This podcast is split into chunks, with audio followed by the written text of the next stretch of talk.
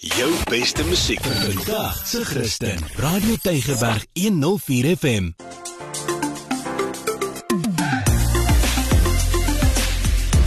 Alles wat lekker is met Almarie de Pre en Ingrid Venter op Radio Tygerberg 104 FM. Baie baie hartlik welkom by alles wat lekker is. Dis die program waar ons vir jou vertel van lekker goed wat jy kan doen in en om Kaapstad. En partykeer gaan ons ook sommer so 'n bietjie verder. Maar vandag dink ek was ons nie te ver nie of hoe Almarie. Ingrid, hallo. Ja, ek wil vir jou vra, né, watter plek in die Kaap is jou gunsteling as jy nou 'n bietjie daai siele rus nodig het? Almarie, daai is nou eintlik 'n onregverdige vraag. Want om 'n plek eind te sonder in hierdie pragtige Kaapstad is amper onmoontlik. Maar ek moet sê, as 'n mens nou 'n bietjie sielerus wil hê vir my, dan is dit my altyd om buite in die natuur te wees waar daar mooi goed rondom jou is. Dit maak nou nie saak wat dit is nie. Maar uh, die natuur is vir my lieflik. So om net te gaan stap eers is vir my baie lekker. Ek weet nie of jy al gehoor het van die Dylan Loos Sculpture Garden nie. Ek het al gehoor daarvan. Ek ja. het al foto's gesien daarvan en dit was op my bucket list. Was jy daar gewees? O, oh, Ingrid, ek moet nou vir jou vertel. So nie net was ek daar nie, maar ek het die voorreg gehad dat twee skoolvriende, nou ons kom al van laerskool af saam. En ons het nou besluit ons wil iets doen wat ek Lekker. ook nog nie in die Kaap beleef het nie. En toe het ons nou gegaan en ek sal vir jou sê as my foon se battery nie pap geraak het nie, was ek nou nog daar besig om foto's te neem om alles wat my oë verwonder het net in te neem. Dit was ongelooflik. Hoor jy klink in vervoering. So ek dink vertel vir ons hoe het hierdie tuin ontstaan want dis vir iets wat ek nogal gewonder het. Ja, en ek ek wens so Dylan kan dit self vertel, maar wat ek nou weet van die tuin is dat hierdie beeldhoutuin, dis geleë op 'n plaas, dis 'n familieplaas van hulle. Hulle noem dit die Mulberry plaas en dis net daar buite Stellenbosch en dan jy nou uitsigte daar van die Helderberg pieke. En 13 jaar gelede, toe begin Dylan hy het toe besef maar sy kinders kort 'n bietjie 'n speelplek op hierdie plaas. En voor hulle huis het hulle 'n speelarea begin maak met 'n graafmasjien of wat ons nou ken as 'n bulldozer. En toe het hy begin sien maar hierdie masjien het baie potensiaal. En toe begin hy nou eintlik hierdie 7 hektaar plaas omskep. Hy het, hy het nou die kontoure heeltemal verander dat daar op die ou end nou hierdie valleie is, hierdie waterspruite, hierdie damme en hierdie heuwels. En toe het hy nou 2 jaar spandeer om hierdie landskap te nou eintlik te vorm. En een van die dinge wat 'n groot invloed was met hoe hy hierdie tuin geskep het, is die Japaneese tuine wat 'n mens kry. Mm. En dit kom nou terug na dis amper soos 'n spirituele gevoel wat jy ook kry as jy daar rondstap. O, nou verstaan ek jou vraag oor die sielerus. Yes. So dit is wat jy daar kry. Ja, vertel meer. Ja, nou dis presies dit. Jy kry sielerus daar want Ingrid die landskap, die blomme, die bome en dan dan moet ek nie eers begin praat daar's 60 beeldhouwerke. Ja. Alles is nie syne nie. Hy hy kry ook inspirasie van ander kunstenaars, maar ek dink so 2/3 daarvan is syne. En dan wat spesiaal is daarvan, jy stap en dan weet jy nooit wanneer gaan jy 'n standbeeld sien nie. So dit is net hierdie fynbos, hierdie heuwels en dan is van hierdie goedjies ook nog so versteek langs elke stroompie.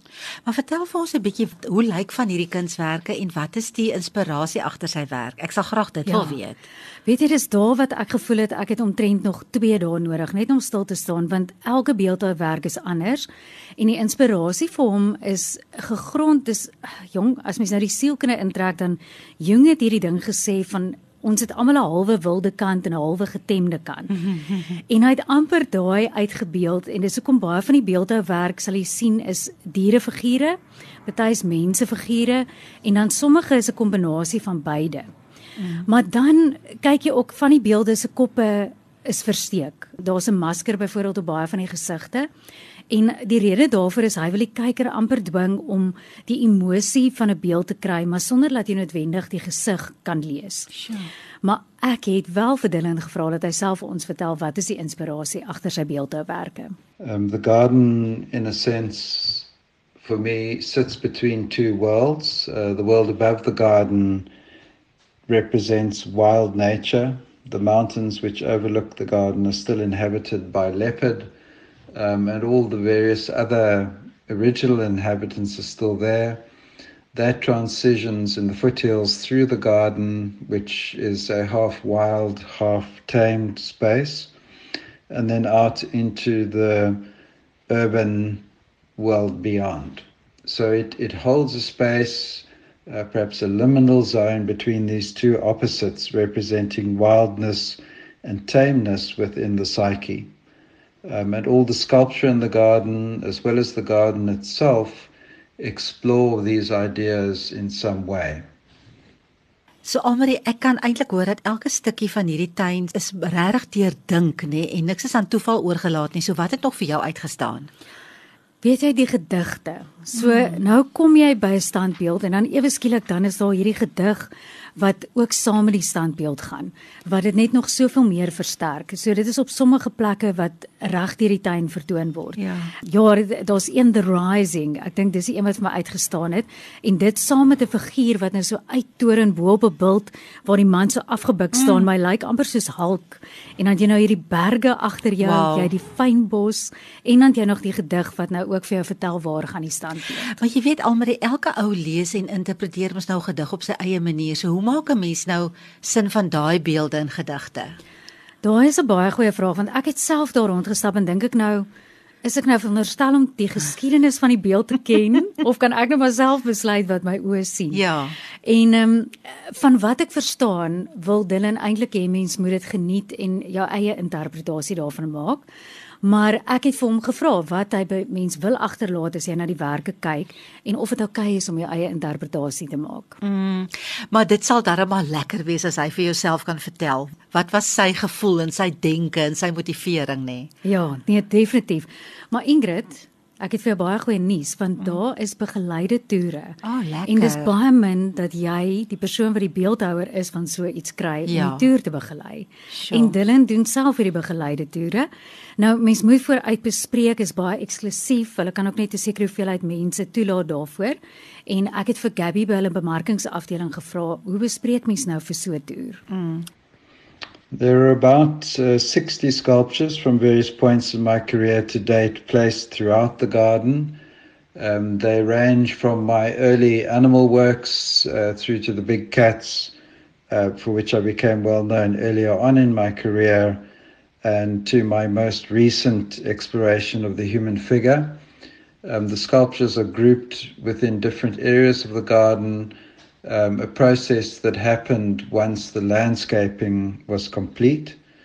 Um, they all, in some way, both from the animals all the way through to the human figures, explore the symbolic uh, meaning of wilderness. In the case of the animals, this was literal. To me, the big cats represented wilderness both literally and archetypally, in that um, leopard and lion are apex predators, so they hold wild ecosystems intact, and also they hold that place within the human imagination. Uh, the lion in the savannah and the tiger in the jungle have something to do with aspects within the psyche. Um, in my human figures, this is explored in a more obvious way. Um, many of the human figures are half human, half animal, and they incorporate the textures of the animal within the surfaces of the body. Ja, ek verlang nou sommer soos wat ek hier sit om te kan gaan stap in daai tuin en te sien wat jy gesien het en net die fotos wat ek al gesien het net voor my eie oë te kan sien. So, moet mense begeleide toer doen of kan jy maar net opdaag daar? Weet jy wat? Nee, jy moenie eers net opdaag selfs al wil jy net daar gaan stap op jou eie sonder 'n begeleide toer nie. Ehm um, dit en weet jy wat? Dit was my eintlik ook lekker want daar op hierdie stadium dit is nou ook as gevolg van die inperking Maar ek dink oor die algemeen probeer hulle om dit ook vir jou eksklusiewe ervaring te maak mm. en omdat jy daai sielsrustigheid moet kry. Dis nie hierdie opeenhoping van mense wat ja, dit toelaat nie. Ja. So hulle laat net 'n sekere hoeveelheid mense op 'n slag toe. So daarvoor is dit nou nogal baie belangrik dat jy bespreek. Maar ek het vir Gabby ook gevra wat is hulle kontakbesonderhede sodat jy presies weet wat om jou te doen staan.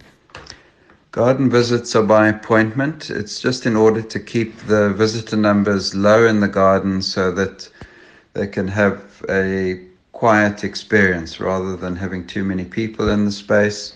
Um, if someone is interested in visiting the garden, uh, the best would be to go to the website, which is um, and then navigate to the garden site, and you can make bookings online. Jy het nou hierdie pragtige tuine, hierdie berge en hierdie beelde en al hierdie mooi kontoure en water. Is daar nog iets? ek weet nie of ek daarvan wil verklap nie want dit is amper soos 'n geheime plek wat jy wil voel jy wil nou teruggaan en jy wil nie vir ander mense sê nie. maar ek sal nou maar so 'n bietjie daarvan deel. Ehm um, so daar's wat hulle noem 'n grotto. En die grotto is eintlik 'n ou plaasdam wat hy omskep het en dis redelik verskuil. Daar's so kort nou gangetjie wat jy eers moet ingaan en dan moet jy oë nou eers aanpas by die donkerte. Ja? So dit voel net sommer so misterieus as jy daar instap en baie dramaties. En dan staan nou 'n uitstalruimte wat hy geskep het binne in die ou plaasdam. Ek gaan nou nie verklap wat die werke is wat daar binne staan nie. Maar dit voel amper, ek kan nie 'n ander woord gebruik as om te sê dit voel heilig nie. Mm. Want weer eens verwonder jy jou net daaraan en mens word so half bietjie gekonfronteer, jy wil amper introspeksie ook doen, want weer eens soos ons sê, jy hoef nie te verstaan wat hy gedink het toe hy dit geskep het nie. Maar dis asof dit ook net spesifiek met jou praat. Mm, mm. En Inge, daar's nou iets waarmee ek jou sommer kan sien. Ja, ja. ja? As jy nou op 'n warm somersdag gaan in die Kaap, ons weet sonskerm alleen is nie genoeg nie. Dan is daar nou hierdie pragtige klein papiersambreeltjies, sulke wit is wat oopslaan oh. en dan kan jy nou daarmee stap deur die tuin. Hoe so, pragtig is dit nie? Ag, weet jy, dit is so mooi. Ek ek as ek weer terug gaan, hè, dan gaan ek my mooiste lente blommerok aantrek en baie foto's foto. neem. Ja. met die sambreel definitief. Dit is lieflik. Ja, mense hou van so van so 'n persoonlike aanslag hier nê. Ja, ja o, dit klink vir my na 'n plek waartoe ek net eenvoudig sal moet gaan. Uh, ons het nou die kontakbesonderhede gekry en uh, jy sê die beste is om dit te bespreek. So ehm um, die die somer lê voor, die pragtige so, somerdae lê voor, die son skyn. Ek dink mense moet net gaan, vat jou kinders en gaan gaan wys vir hulle hierdie mooi dat hulle ja. dit ook aan leer waardeer. Ja, en as jy net sielerus 'n bietjie nodig het, glo vir my hierdie plek gaan net vir jou transformeer en dit gee vir jou daai. So gaan maak dit raai, jy kan gaan na hulle webtuiste dis dillenart.co.za of jy kan hulle ook kontak en ek sal sê die beste plek om dit te doen is 021 880 0054. So dit is Dillen Loos. Lekker. So van my kant af groet ek eers tot 'n volgende keer dan. Totsiens. En van my Almarie, dankie dat ons weer saam met jou kon kuier en alles geniet wat lekker is net hier in die Kaap.